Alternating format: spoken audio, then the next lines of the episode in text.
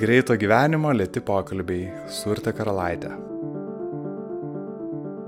Sveiki, aš esu Urte Karalaitė ir jūs klausote podcast'o Greito gyvenimo lėti pokalbiai, kuriame su įvairiais pašnekovais tyrinėjom vidinį žmogų. Šie pokalbiai gimė iš elementaraus suvokimo, kad daugiausiai žinių ir gyvenimiškų pamokų aš pati gaunu būtent iš dalinimuose patirtimis, mintimis ir išgyvenimais su kitais žmonėmis. Labai gerai jaučiu, kaip kiekvienas šitas pokalbis mane paaugina. Šiandien bandysime paaukti kartu su multitalentingu ir giliai kapstančiu režisieriumi Gediminu Šiauliu. Kad vieniems kitus bekalbant auginti būtų lengviau, prisidėkit prie pokalbių gyvavimo kas mėnesinė vieno ar kelių dolerių parama, nes podcastas gyvas tik jūsų dėka. Tai galite padaryti patreon.com pasvirasis brūkšnys lėti pokalbiai. Ačiū naujiems podcast'o draugams. Deimantai Litvinaitei, Monikai Mikalauskaitai, Lukui Kamarauskui, Neringai Vasiliauskaitai, Andriui Bagdzevičiui ir Emilijai Balandytei. Be to esu labai dėkinga garso reklamos kuriejų studijai Dropaudio, kuri nuo šiol rūpinasi pokalbių garso kokybę, nes man atrodo tai yra be galo svarbu. O dabar šokim šią garso, atvirumo ir tikrumo kelionę su Gediminu. Labas, Gedai. Labas, Artė. Kai jau ruošiausi šitam pokalbiui, iš tiesų, be ne sunkiausia buvo nuspręsti, apie ką visgi aš noriu kalbėti. Ir, ir tu turėjai kažkokių tai ir minčių, ir lūkesčių. Ir paskutinę dieną pastebėjau, kad tiesiog yra labai labai labai daug temų, kurias aš norėčiau su tavimi aptarti. O su visais kitais pašnekovais tarsi būdavo gana aišku, kad, na, va, mes čia kalbėsim apie tą. Tai parodė, kad tu atrodai man labai toks pilnas ir į visas pusės galintis nueiti. Tai aš gal norėčiau pradėti nuo to pilnumo. Kažkur Facebook'e daliniesi tokiam dviejonėm, ar egzistuoja absoliutus geris, blogis, vyras ir moteris kaip atskiri pasauliai. Čia tu pamini tokius kelis pavyzdžius ir keli dviejonę, kad galbūt mes turim visuomet abiejų šitų pusių Tai čia man būtų įdomu tavęs paklausti, kaip tu pats jautiesi prie šitų svarstyklių ir kas tu esi. Aš tai labai jaučiuosi iš tiesų į tą vyrišką pusę, sakyčiau, šimtaprocentinis hetera, žinai. Ir man labai patinka vyriški dalykai. Turiu omeny tie, kurie nekalbu apie mašinas ir kažkokius kitus tokius paviršutinius, bet tie, kurie veda į tokį stuburo turėjimą, nepasidavimą, krypties nurodymą. Man labai gražu lietuvių kalboje šitie moteris teka, o vyras veda. Nu, tai yra nu, taip gražu ir taip, man taip tikra ir labai nusako taip, kaip aš matau santykius ir, ir kas yra vyras. Tos vyriškumo paaiškos jos matyt visada vyksta, va, taip berniukų tame pasaulyje. Ir aš tai irgi visada einu per tai, visada iš tos išsikeliu klausimus ir kažkaip paskutiniu metu man taip ryškus yra toks apibūdinimas, kad kad vyras yra išmintis, širdis ir žvėris. Tokie trys dalykai. Dabar irgi, vat, sakydamas, kad aš hetero ir lyg bandydamas sakyti, kad aš su tokiu stipriu stuburu ir, ir, ir tai man imponuoja, tuo pačiu esu, nu, labai stipriai romantiškas ir kartais pažeidžiamas ir toks silpnas ir, ir dažnai verkiu. Irgi dabar atėjo iš tokių tų senesnių laikų kaip berniukam drausdavo verkti. Kažkoks toks įsivaizdavimas, kad vyras tas, kuris neverkia, kuris va, taip išlieka toks ramus. Tai nu, man patinka verkti, man patinka. Aš tada žinau, kad aš gyvas. O tu tokį vat požiūrį į emocijas, emocijų išraišką, ar būtent ašarą šiuo atveju visą laiką turėjai, ar kažkoksai visgi pasikeitė matymas, nes tu mini, kad anksčiau tarsi berniukam negalima buvo verkti. Žinai, aš be tėčio gyvenau, taip tarp moterų gyvenau iš tiesų. Ir matyt, tai padėjo, žinai, nu, nebuvo kas pasakytų, būk vyras ir ką tu čia, žinai. Ir matyt, kažkaip natūraliai labai, nu, visada leisdavau pasireikšti emocijom ir, ir ne, neslopindavau jų. Tu dalinaisi mintim apie būtent įvairių emocijų ir išraišką, ir išjautimą tam tikrą. Galbūt ten kalbėjai apie ilgesį konkrečiai, čia kalbėjai apie kitas emocijas. Kame čia matai, nežinau, naudą savo vidui savo? Tavo laidoje Imantas Elenis kalbėjo irgi apie tai ir labai jo pastebėjimai įdomus ir, ir su tuo mes susidurėm. Ir yra toks momentas, kuris kaip ir apie tas emocijas kalbėdamas, nusakė, kad vat, kai tu pajauti staiga kažkas tavyje kyla, turi kažkaip nuduoti tokį laiką, nusiram, pabūti ir nusiraminsi. Nereikia išreikšti, o mano manimo reikia išreikšti. Manau, čia yra didelė problema, kai žmonės va taip e, savyje užspaudžia, iš to ir lygos visokios. Ir apskritai, žinai, mes būdami neemocionalus, mes nu, tokiais robotais tampam. Aš kaip ir suprantu, kad matyt pagrindė eina kalba apie neigiamas emocijas, bet užslėpdami tas neigiamas mes užslėpiam ir, ir teigiamas. Ir tą juoką, atvirą juoką, žinai, va, tokius, nu, neleidžiam savo dalykų. O, o neigiamas užslėpimas, nu tai kur tada jinai, jinai, ta energija, jinai niekur nedingsta. Jinai kažkur akumuliuojasi paskui. Mes kažkodėl galvojam, kad jeigu mes susipykom ir, ir viens kitą apriekim, Tai čia jau pusmečiai mažiausiai. Po pusmečio galbūt paskambinsim. Aš taip gal, bet dar va, dabar momentas gerai, va čia pokalbio pradžioj. Jeigu aš sakysiu mes, tai tada turi būti, kad aš ir tu. Tai prasme, aš turiu sakyti aš. Čia va kitas dalykas, mes labai slepiamės už va šitą. Kiti žmonės, mes apibendrinam Ai, ir, taip, ir taip labai mm. lengva kalbėti. Kad kalbėti apie visus, ne apie save. Jo, jo. Mhm. Tai taip. Kad tu, tu nori pasakyti, kad tu kalbėsi tik iš savo perspektyvos apie savo... Ja, aš norėčiau iš pirmas mens kalbėti. Palauk, bet aš nepabaigiau minties. Apie neigiamą emocijų užslėpimą, išraišką. Tai taip, tai, vat, tai jo, tai kokie. Italai labai normalu yra susipykti, išrėkti, prasme, visiškai atiduoti tą emociją visų įtužių, rytoj paskambinti kaip niekur nieko, eiti vėl į vakarienę, mylėti tą kitą žmogų. Tai kažkokia pagarba ar, ar meilė niekur nedingsta. Tai buvo momentinis dalykas, kuris turėjo išėti. Ir vaikai taip elgėsi, mes paskui išmoko sociumas, kad nereikia taip daryti. Kodėl nereikia? Ok, yra labai daug įvairių emocijų, ar ne? Ir ar tu kažkaip samoningai renkiesi jas, na šiuo atveju kalbė apie tarpusavio santyki, kažkaip išreikšti, ar nežinau, ko, kokius būdus tu turėjom išreikšti pyktis ir vat, liūdėsys, ką mes truputį palėtėm dabar, gal yra aiškiau. Jūs gan natūraliai iškyla, labai natūraliai. Čia, žinai, nieko nereikia daryti. Reikia tik tai atsipalaiduoti ir jausti, ką kūnas, kas kyla kūne, kas jaučiasi. O dabar aš tavim kalbu ir va, tu mane prieš tai pafilmavai ir aš jaučiu, kad yra kažkoks jaudulys, žinai, va, aš tai fiksuoju ir suprantu, kad galbūt net mano balsas dreba ir, ir mintis biški jaukia, bet biški ir, ir kaifas nuo to yra. Nu, nemanau, kad tai yra blogai ir tai man maišo, aš vėlgi jaučiuosi, kad aš gyvas žmogus. Kūnas reaguoja. O būna taip, kad net pažįsti emocijos, kad vat, jauti kažką ar kūne, ar laikė, vat, kad kažkoks laikotarpis, kai tu jauti kažką ir negali to įvardinti ir ieškai, vat, kas čia yra. Nu, gal man nebūna kažkaip aš taip jas gan, gan gerai, kaip čia perprantu ir išmokau. Pagaunu, mhm, kažkaip natūraliai išmokau jo, nors kaip tas emocinis intelektas, žinai, nebuvo kažkas, kas buvo ūkdama mano laikais. Nors ką aš kalbu, palauk, žinai, kas būna įvyksta. Čia biškai dabar liečiant jau melo momentą, kad jauti emociją ir tuo momentu jo gali nelabai suprasti, ypač jeigu su pykčiu susijusia kitam žmogui neperduoti jos ir kažkaip netgi jam meluoti, kitaip sakyti ir paskui tik tai suprasti, kodėl, net nesuprasti, kad tu tuo momentu meluoji. Nu, tokia saviapgaulė vyksta, tai žinai, tokiam lygiai tiek sluoksnių, kad tuo momentu netgi ne, nefiksuoji, kad dabar vyksta, nu, netikra. Paskui jau kažkaip grįžęs į tai gali dekonstruoti ir suprasti, kad jeigu taip sąžiningai su savimi, jeigu taip sąžiningai, taigi čia buvo nu, melas čia buvo ne tai tu jautėjai ir ne tai sakai, kad tu jautėjai ir slėpėsi čia už kažko. Man čia įdomu e, sugrįžti į pačią pradžią netgi, nes e, tu pats mini, kad uh, esi stipriai vyriškas ir tada įvardini žvėrį, širdį ir priminkas trečias elementas. Ir išmintis. Taip, ir va dabar mes jau ilgai gvildenam emocijų temą ir tu pats sakai, kad, kad ir išjauti, ir esi emocionalus, jeigu teisingai suprantu. Ir, ir čia iškart suskamba tie stereotipai, kurie vad sako, kad, kad moteris yra ta emocionali, na, ką mes kalbėjom, vyrai negali verkti. Man įdomu net pažiūrėti tada, tai koks yra vyras, vad koks yra tavo vyro paveikslas bendrai. Nes aš irgi visiškai sutinku, kad tarsi reikėtų vat, į tas varstyklės sudėti iš abiejų pusių po truputį. Jo, žinai, pas vyrą yra kažkoks žinojimas.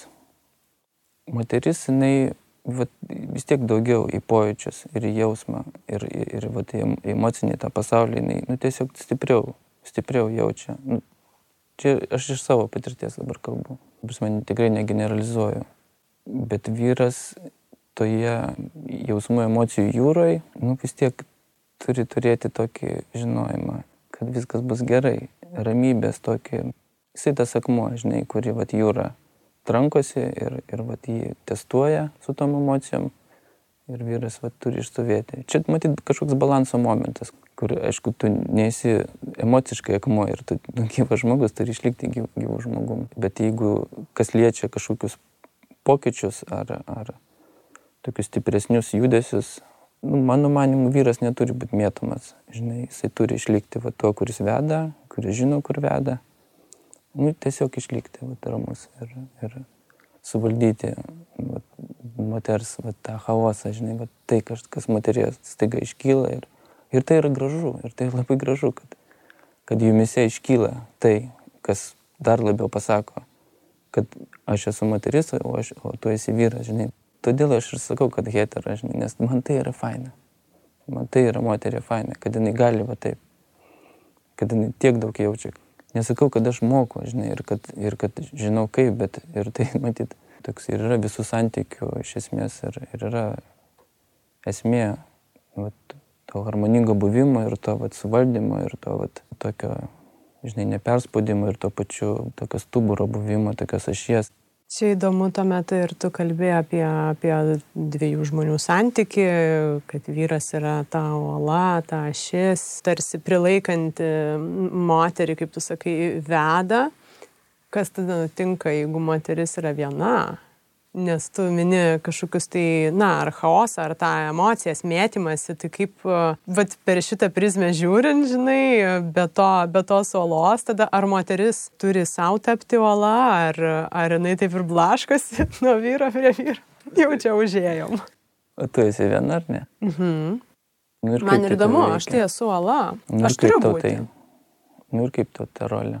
Labai gerai, bet tai dėl to ir gerai, kad uh, Aš vat ir jaučiu tai, ką tu sakai, aš gal ir sutikčiau, nes tos uolos, ar jeigu galima, žinai, dar pažiūrėti, kaip įtraukinio bėgius, nu kažkokio, žinai, kas tai prilaiko, tu ten biški nulėkiai į visas pusės ir grįžti, tai to reikia. Ir aš gal kvestionuočiau, žinai, vat, kas tai daro, kas tą prilaikymą, žinai, tu lyg ir sakytum, kad, kad vyras čia, bet, na, žinoma, yra, nu, turbūt daugybė moterų vienų Ir vad ko aš turbūt labiausiai ir asmeniškai, ir bendrai gal, žinai, norėtųsi į tai žiūrint vengti tos tada kaip ir priklausomybės nuo vyro vaidmens čia. Jeigu moteris neturi antros pusės, tuomet nėra tos olos. Nu, bet gerai, tau patinka šitą rolę, va tokio visko valdymo, suvaldymo, va tokio. Bet tai aš neturiu pasirinkimo. O kam tu darai podcastą? Kam tu į teleką, kam tu Instagramą turi. Labai savanaudiškos veiklos šitas yra, supranti? Labai gerai, jėga. Gerai, tu pripažįsti, o kam tau reikia to savo? Ką tu nori įrodyti savo ar pasakyti? Įrodyti tai galbūt, kad aš galiu, nu, iš esmės tai savo tą uolą įrodyti, kad ta uola yra. Bet gal tą savo naudiškumą e, pabrėžiau, tai čia būtent apie podcastą galvojant, mes su kažkurio pašnekovu apie tai kalbėjom, kad čia aš matau 50 um, ir 50 procentų, kiek aš duodu ir kiek aš gaunu šitoje veikloje. Tai man čia labai patinka. Čia net nelabai susiję, žinai, dalykai. O Instagram'e kam, kam tiek daug postinė? Šią savaitę man Instagramo pasninkas. Aš nepostinu. Turiu minį, aš čia supranti, aš tai nu, neteisiu, nes aš tas, kuris žiūri. Nu, tai žinai, bandau atsakyti į tavo tą. Ta prasme, taip, aš žinau, kad e, jeigu kalbant apie Instagramą būtent ir jeigu... Ir apie panas Instagramą. Ai, nu taip. E, tai šitą aš labai bandau suvaldyti, žinai, nes man labai nepatinka tas savęs rodimas. Žiūrėkite, aš esu graži ir aš noriu jūsų dėmesio. Tai man tas tikrai pažįstama, aš žinau, koks tai jausmas, bet aš labai to nenoriu. Ir nenoriu iš dalies dėl to, kad aš esu tą patyrusi ir aš žinau, kad tai nieko neduoda. Kad nei tie laikai, nei ten tos žinutės, nei netgi tie susipažinimai kažkokie instagraminiai ar panašiai, jie absoliučiai nieko nedavė. Kodėl tu tai darai? Iš natūralaus turbūt, nu kaip natūralaus, šio laikinio instinkto. Ne, bet, bet kažkaip vat, vyrai vis tiek, jeigu procentaliai pažiūrėtume, nu, mažiau tą daro, mažiau postina savęs, mažiau stories deda. Ne? Tai procentaliai, jeigu pažiūrėtume, galbūt, bet e, aš manau, kad dabar e, ir čia jau vėl klausimas, ar, e, ar čia vat, tas moteriškumas neįlindęs, nežinau, ar tas disbalansas čia įvykęs, bet mane sutrikdo vyrai, būtent socialinėse medijose, kur matau, kad labai labai nori save parodyti ir čia aišku klausimas, kodėl moteris tiek nesutrikdo. Nu, aš jas netkreipiu dėmesio, man, nu, gerai, čia apsinuoginus, čia rodo, ką turi, neįdomu, bet kai aš tokius vyrus pamatau, bet čia jau man tada iškart nepatinka. O kodėl nepatinka? Nes aš pati to nevertinu, ta prasme, realiai čia, žinai, jau klausimas, per kiek laiko man pavyks tą išgyvendinti, bet aš manau, kad rodyti save ir, ir laukti aplodismentų, tai nėra būdas savo vertę ir savo uolą įstatyti. Nu, va, man kažkaip, nu, man atrodo, tikrai laisvam žmogui, žinai, nereikia tų visų dalykų. Laisvam žmogui netgi nereikia nei podcastą kurti, kitam laisvam žmogui nereikia ateiti į tą podcastą ir kalbėti, žinai, nes, nu, o kam? O kas yra laisvas žmogus? Matyt, tas, kuris, žinai, gali sakyti tai, ką galvoja, būti absoliučiai nuoširdus, nepriklausyti nuo sociumo primestų visų dalykų. Ar įmanoma tai? Nu, ar šimtų procentų įmanoma čia klausimas, bet įdomu, na, tu paminė šiuo atveju podcastą, bet kodėl tu kaip ir atriši tą laisvą žmogų nuo veiklos jo. Nes šitą aš irgi esu patyrus, vat, nesakau, kad e, mano identitetas priklauso nuo to, ką aš darau, bet aš puikiai žinau tą jausmą, kai aš nedarau nieko ir vad bandau būti tuo laisvu žmogumi, bandau norėti nieko nedaryti ir aš nepasitenkinu. Nebūtinai dėl to, kad nėra rezultato ir aš nepasiekiau kažkokių čia rodiklių ar taip toliau, aš tokio siekio niekada neturėjau. Bet, nu, tada iškyla prasmės klausimas, ką aš darau, aš atsikėliau, aš pavalgiau ir viskas. Jo, tai kažką bet kokiu atveju darai, ką jauti, kad nori daryti ir kas tave kažkaip apskritai stumia ir, ir kam aistrą jauti. Nu, turiu menį idealu, jeigu darai tai, kam jauti aistrą. Jo, bet aš čia, gal čia netgi apie save klausimas, nes dabar galvoju, kad vat, mano tai kita veikla. Žinai, ašgi ne, ne entrepreneuris, ne tas žmogus, kuris eina ir, ir kalba, ar, ar, ar rašo filosofinės knygas, ar esu tame, žinai. Klausiu, jeigu taip nuoširdžiai. Kam aš atėjau pas tai, kam man interviu, kit, kitus interviu, kam aš tai darau. Tai jeigu taip nuoširdžiai, nuoširdžiai, tai kad, žinai, kad bičiai gerbtų, o panas mylėtų. Aš dabar galėčiau sėdėti piešti. Bet tu manai, kad ir yra va šitas vat, pagrindas toksai, nu, vat, tas atsakymas, ką tu sakai. Šitai man atrodo, kad mes labai dažnai apgudinėjom save, galvodami, kad mes nesam žvėris ir, ir kad neturim tų nu, dalykų pamatinių, be kurių mes nu, niekaip negalim, kas yra mūsų limbiniai sistemų, žinai, kažkas, kas, ko mes atsinešam. Mes galim kiek norim uždėti, kaip čia. Kultūriškai suformuotų sluoksnių. Jo, vis, visą, ką mums civilizacija neša ir, ir, ir, ir visas tas progresas ir dalykai, bet e, jeigu nuoširdžiai paėmus, man atrodo, mes labai dažnai sprendimus priimam tą limbinę savo smegenų veiklos dalimi, kur nu, nulėmė labai paprasti dalykai. Tu manai, kad tave bičiai gerbs, jeigu va, tu kalbėjai apie emocijas ir kad tu verki?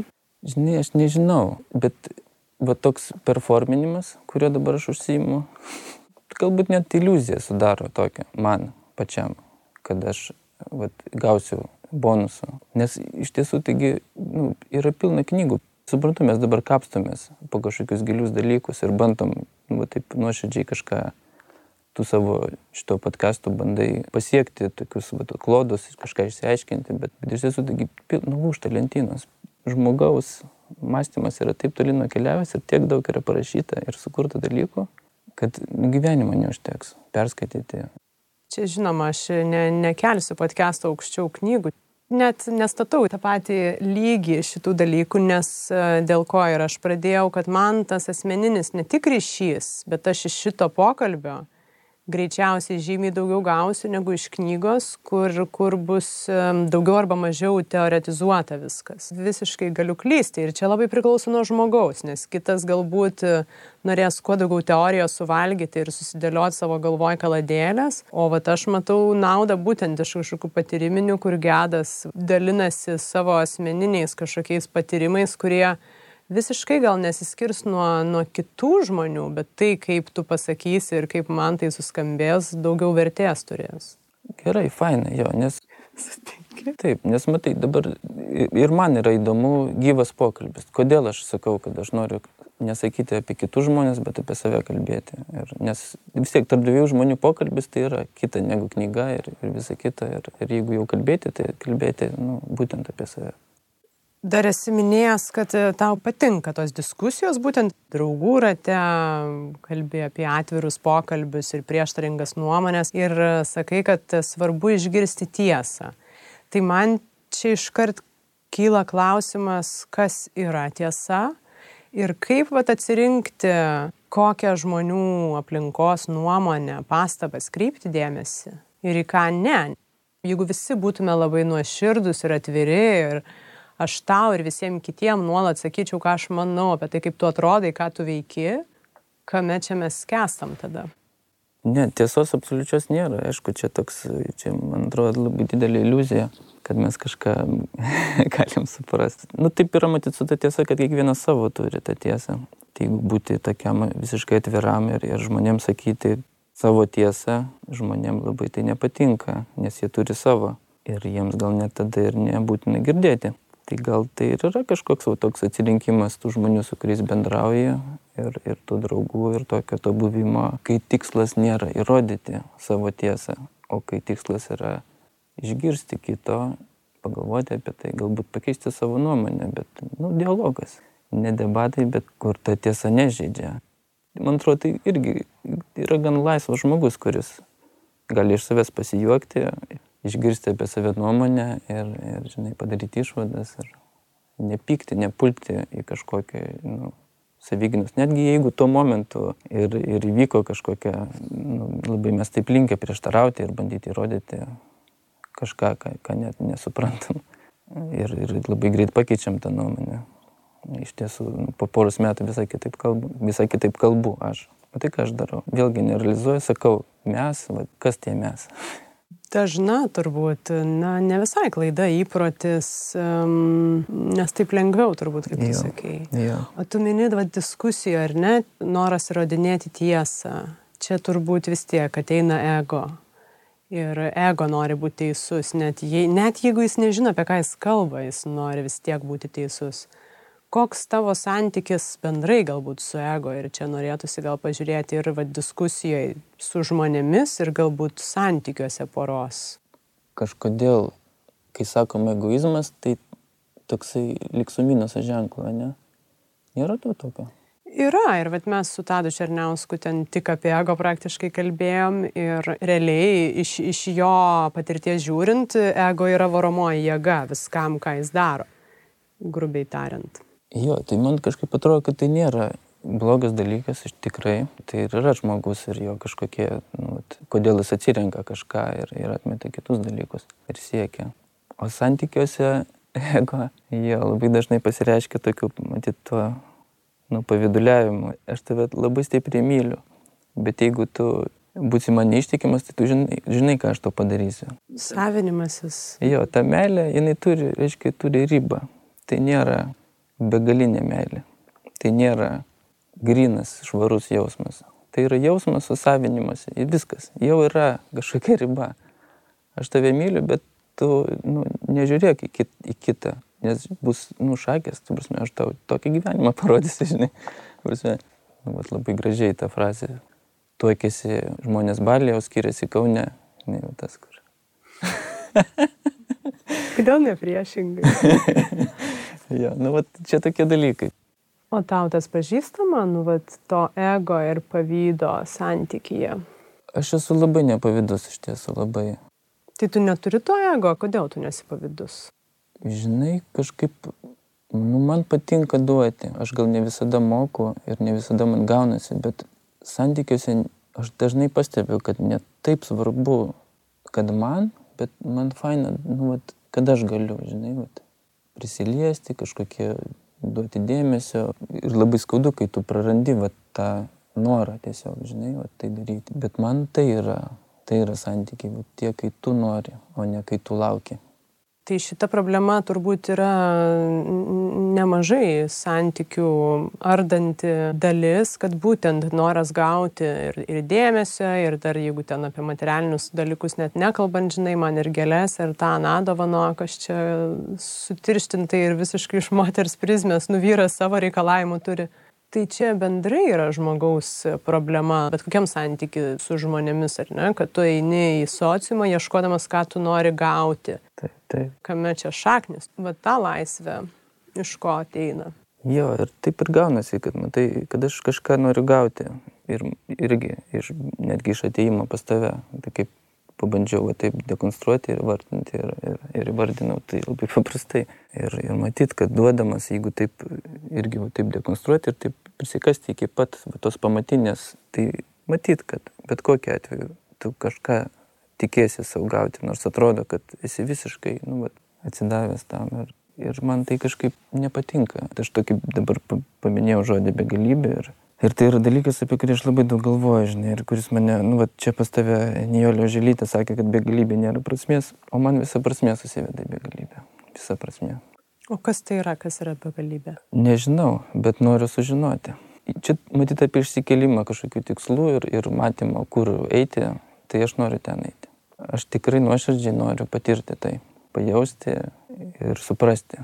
Suprasti begalybę. Mums atrodo, kad tai yra dalykas, kurį neįmanoma suvokti. Kaip galima suvokti begalinį kambarį. Bet man labai patinka Kanto grinojo proto um, kritikoje. Žinai, yra toks transcendentiniai mūsų poteriai, kur, kuriuos mes ne, kaip ir negalim suvokti, Dievą, nepanašiai kaip begalybė, yra transcendentaliniai, kai mes esame sąlyga galimam poteriui. Tai aš noriu būti sąlyga tai begalybė atsirasti, supranti, savo, tu prasme, aš tenai judu, aš ten noriu atsirasti. Kopernikas, Koperniko perversmas. Akivaizdu dalyką.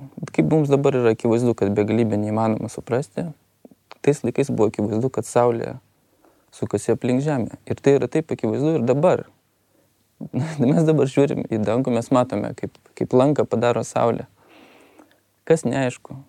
Tai taip aišku, Ir kažkas mums sako, kad ne Saulė, kur tu matai, akivaizdžiai matai, kad Saulė perėjo, o kad mes einam aplink Saulę. Įsivaizduoju, kokia nesąmonė. Akivaizdžius dalykas, absoliučiai nesąmonė. Kopernikas be tyrimų iš vis, jisai iškėlė mintį, kad yra atvirkščiai.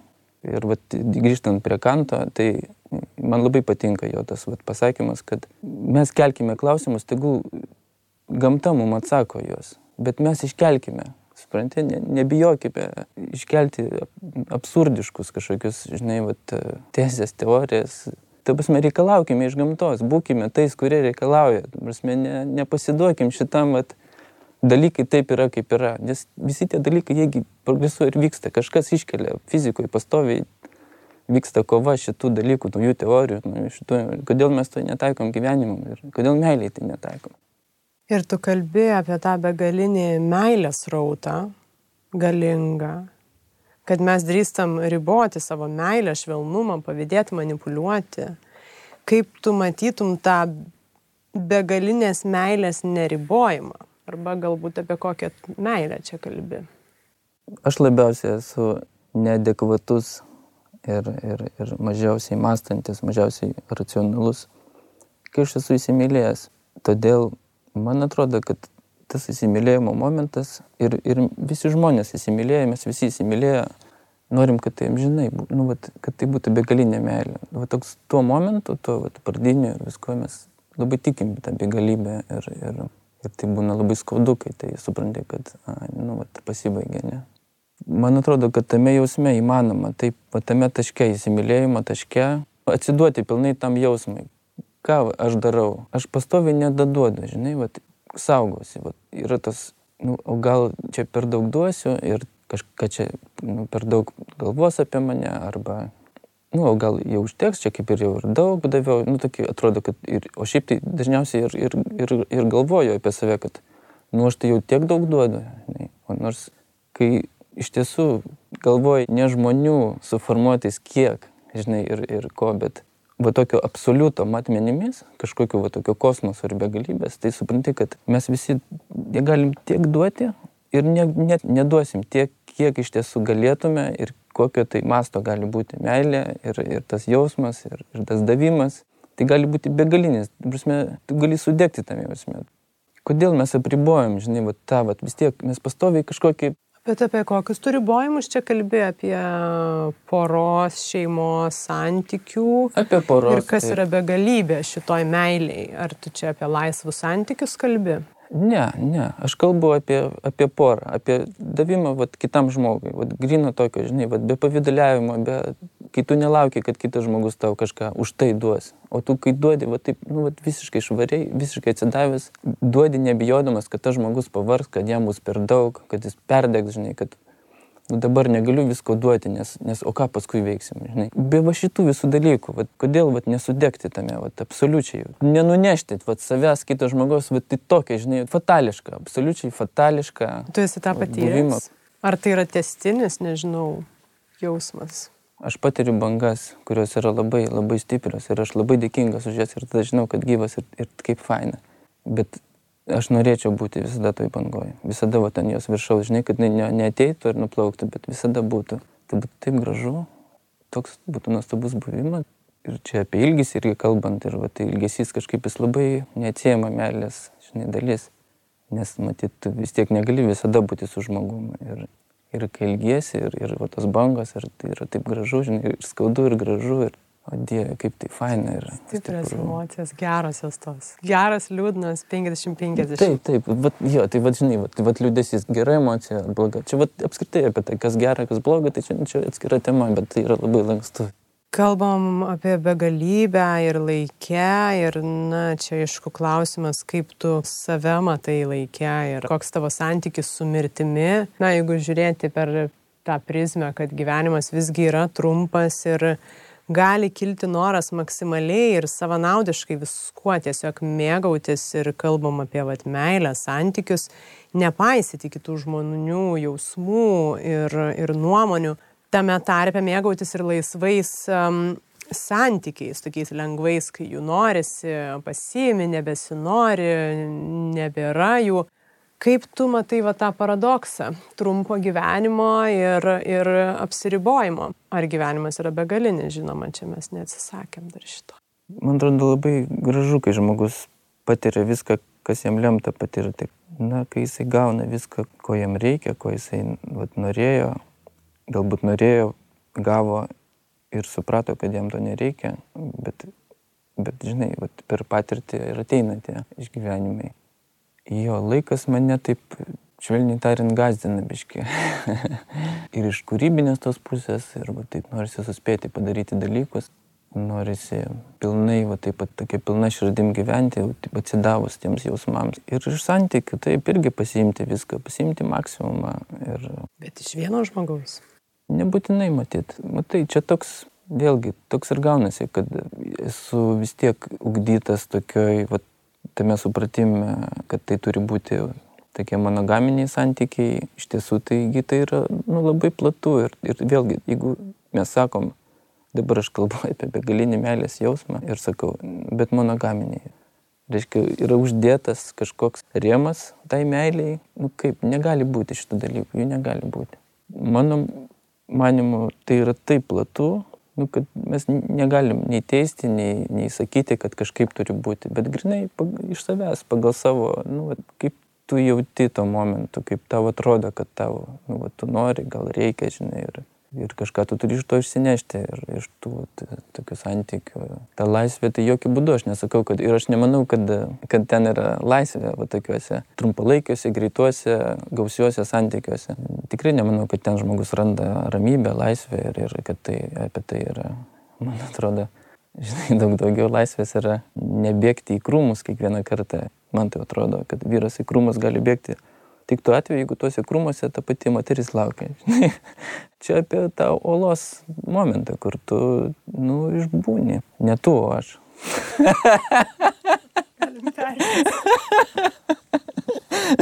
Aš irgi bandau užbūti. Bandai. Tai mini, kad trumpalaikiame santykėje tos laisvės nematai, kokią tuomet, žinai, kažkokią vertę ir svorį ilgalaikis santykis atneša tau. Žinai, jame įdomu matyti, kaip žmogus auga. Įdomu bendrauti, reaguojant į tai, kas aplinkui keičiasi. Atsiranda santykis laikė ir tai gražu. Tai tokie dalykai, kurie, nu, kurie suformuoja tokią kaip ir naują realybę. Ir, ir save pamatai kaip veidrodėjas, savo tą pasikeitimą, reakcijas per kitą žmogų. Nes mes, nu, mes dažniausiai ir taip kažkaip ir vertinam save kitam žmoguje, vat, kaip jis tave priima, ar pilnai priima, ar ne. Jo laikė atsiskleidžia. Nu tai gražu. Ir kai tai tęsiasi ilgai, tai tu gali gyvendinti visokius dalykus kartu ir eiti, žinai, per tuos ir visus dramatinius momentus, kur labai įdomus ir tu taip lyg ir vengiai viso to, bet iš tiesų iš savo patirties sakau, kad nu, man labai padėjo kurti vat, savo tą filmą Kaukai dramatinėse aplinkybėse. Ir tai buvo taip svarbu ir taip gerai, kad tai vyko taip dramatiškai, nes tai taip stipriai mane užaugino, tokį davė stiprų apskritai vat, pagrindą, negu tai būtų va, taip kažkaip greitai, paprastai ir, ir viskas. Netgi matau, kad gali būti, kad tame ir yra tokio vat, to įėjimo į tokį, nu, vat, kažkokią laisvę, į tokį, žinai, vat, kad tame galima rasti tokį buvimą besąlyginį. Ir tas procesas kūrybinis, būtent kaukų, jisai buvo visapusiškai nelengvas. Tu jau keletą kartų ir šiandien net paminėjai, maksimalizmo yra turbūt pas tave kruopų, Panašu, kad tai. Ir mini, kad jeigu bėgti, tai greičiausiai, jeigu lipti į kalną, tai aukščiausia. Bet čia įdomu, va, truputį jau atitolti nuo santykių ir pažiūrėti, o va, kas vyksta, jeigu, jeigu ne pirmas užlipi į kalną arba nepasieki viršūnės. Nesėkmės, kurių va, būtent ir tam procese kaukų kūrybiniam patyrėt, ar ne? Ir tu atlaikiai, ne visi atlaikė. Taip, Dabar norėjau sakyti, kad man nesvarbu būti pirmam ir pagavau save, kad, kad iš tiesų tai aš noriu būti pirmas, jeigu taip atvirai sakant. Ir jeigu taip visai būti nuoširdžiam ir dabar apie kūrybinį kelią kalbėti, aš noriu būti pirmas lietuvis, kuris Oscarą laimės. Noriu. Žinai, vat. Gera pradžia. nu, tas rungtyniavimo momentas vis tiek yra, vat, nežinau, irgi ar tai yra, kiek tame vyro man atrodo, kad tai būtent vyriškumo momentas ir yra va, tas konkurencija, žinai, su kitais patinais dėl patelės. Dabar aš tau kalbu, va, žinai. Džiunglių įstatymai. Jo, bandydamas taip labai supaprastinti visą tą dalyką, nebandydamas sakyti, kad aš čia labai didelį gerį kuriu. Čia apie egoizmą, bet dabar grįžtam ir, ir taip ir padaromi dalykai, taip įvyksta neįtikėtini dalykai. Yragi nu, neįtikėtini pasiekimai medicinoje, kažkokie apskritai žmogus, žinai, į kosmosą išskrido vien dėl to, kad kažkas kažkam bandė įrodyti. Tai tai yra gražu ir faina. Bet kaip čia neužsikelti savo per aukštos kartelės, kuri kankins tave visą gyvenimą, tarkim, kad ir dėl to Oskaro ir tu jo negavęs, tarkim? Iš tiesų tai aš noriu, bet taip nėra dramatiškai man. Kaukų darimas man iš tiesų buvo dramatiškai, kažkoks išgyvenimo klausimas. Jau buvom du filmus, va tokius pradėję daryti ir nepadarėm. Ir jeigu nebūtume trečią padarę, nu, tai trečias kartas nemeluoja, žinai, nu, prasme, čia būtų viskas. Tau? Nu, ta prasme, jo, tai man labai tai palaužtų. Man tai labai kirsta. Aš tada, jo, žinai, kažkaip matyt, tapčiau tų nepadarytų filmų režisierium, žinai, kur, nu, viskas gerai, viską supranta, labai daug kalba gražiai, žinai, bet o rezultatai kur čia. Ir taip yra. Yra tiek daug neįgyvendintų meninių projektų ir filmų ir visko. Ir Aš buvau susitikęs su tokiu tikrai didelės kompanijos ar direktorium Laika tokio Amerikoje. Ir jisai sakė, kad apskritai gali kalbėti, ką nori, rodyti bet kokius paveikslėlius, rodyti geriausią portfolio CV. Vienintelis klausimas, ar tu esi pabaigęs filmą, bent vieną. Žinai, va, tai yra taip svarbu pabaigti ir damušti iki galo, nes, nu, Bet čia ir tam tikras išbandymas, ar ne? Nes va čia, jeigu tu kalbi būtent apie kūrybinę sritį, Tai e, ir apie tokią konkurenciją tam versle, visi labai gerai varo. Jo, jo. Bet, bet tam, kad tu parodytum, kad tu geriausias, tai tau dar yra išbandymas, kad tu ir iškestum visas šitas dramas, ar ne, galbūt ir visus tikrai pačius sunkiausius momentus, kad tu sugebėtum iki galo nueiti. Taip, taip, taip. Todėl ir sakau, kad tai labai svarbu buvo man. Jisai ir ideologiškai jis buvo man svarbus, nes aš ten kalbėjau savo dukrai, žinai, ir padarimas šio filmo uždėjo man tokią varnelę savo viduje, žinai, aš užsidėjau tokią varnelę, nu, kur aš jau galiu ramiai, aš padariau tai. Ta prasme, aš galiu išeiti ir nesigailėsiu. Šitas filmas mane kažkaip labai nuramino. O pakeliu į šitą rezultatą buvai nusimatęs priešingą baigtį. Žinai, yra tos galimybės kaip ir scenarius nusipiešti, blogiausius scenarius dėl visa ko, kad žinotum, kas gali nutikti. Ne. Tik tai teigiama buvai. Tik tai teigiama. Ta prasme, tai buvo absurdiška tęsti toliau. Absurdiška. Ta prasme, jis, šitas filmas niekaip negalėjo vykti. Racionaliai niekaip. Todėl aš ir sakau, mes galim būti sąlyga įvykti dalykam. Ir tuo momentu aš buvau ta sąlyga. Aš išlikau ir sakiau, šitas filmas įvyks. Racionaliai nežinau kaip, man nesvarbu, neklauskit kaip.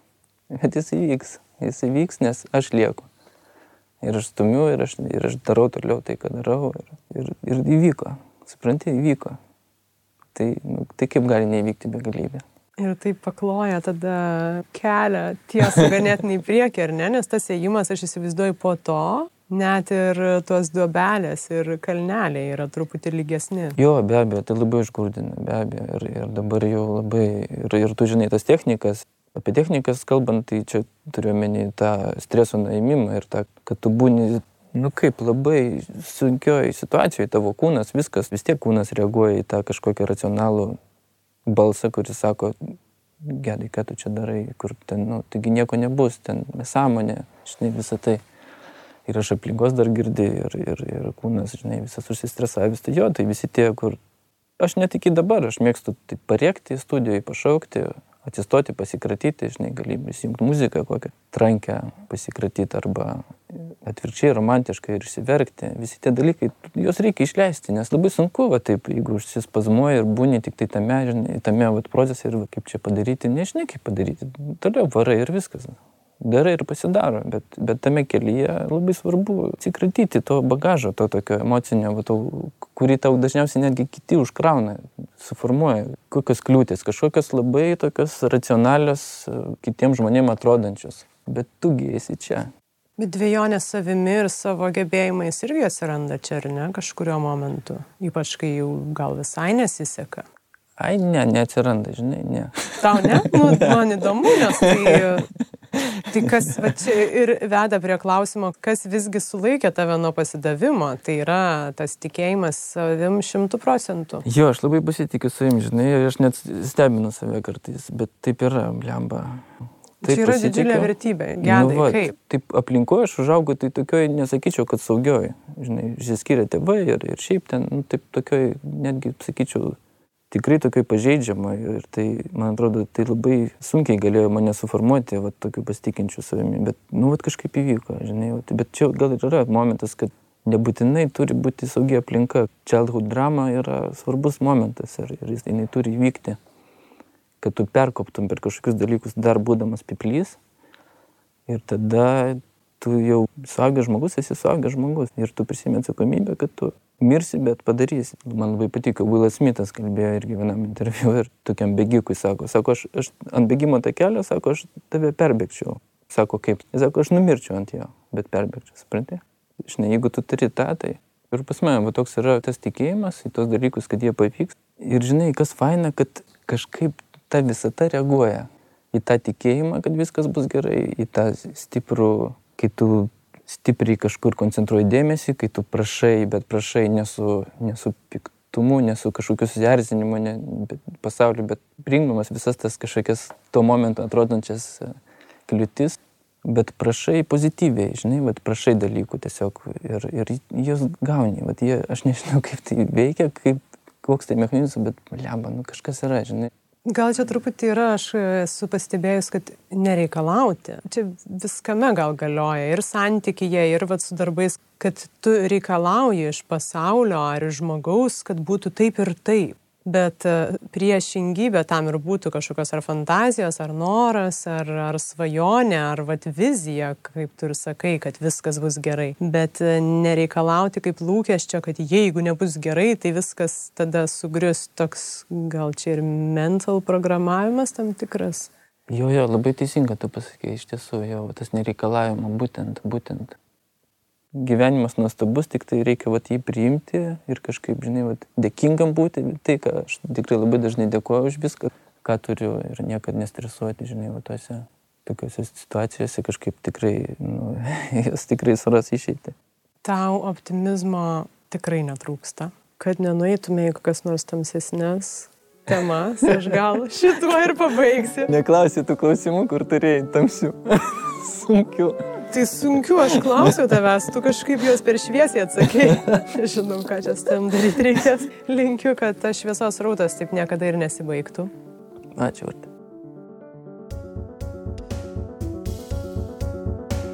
Ačiū, kad klausėtės. Kaip pastebėjot, Gediminas ir mane įtraukė į šitą atvirą ir tikrą pokalbį ir buvo visai įdomu per jo prizmę pakapstyti ir mano kažkokius ieškojimus. Man visada smagu išgirsti jūsų pastebėjimus ir mintis, kilusias paklausius pokalbių, tai drąsiai rašykit man socialinėse medijose. Nepraleiskit naujų epizodų sekdami podcastą Instagram ir Facebook paskyrose arba prenumeruodami jį. Beje, jei jums įdomu tai, ką girdite, parašykit atsiliepimą Facebook ar iTunes platformose, papasakokit apie podcastą draugams, tegu jis pasiekia ausis tų, kuriems šios temos aktualios. Priminsiu, kad prie podkasto gyvavimo galite prisidėti patreon.com pasvirasis brūkšnys lėti pokalbiai. Su jumis buvau aš, Urte Karalaitė. Iki kitų kartų.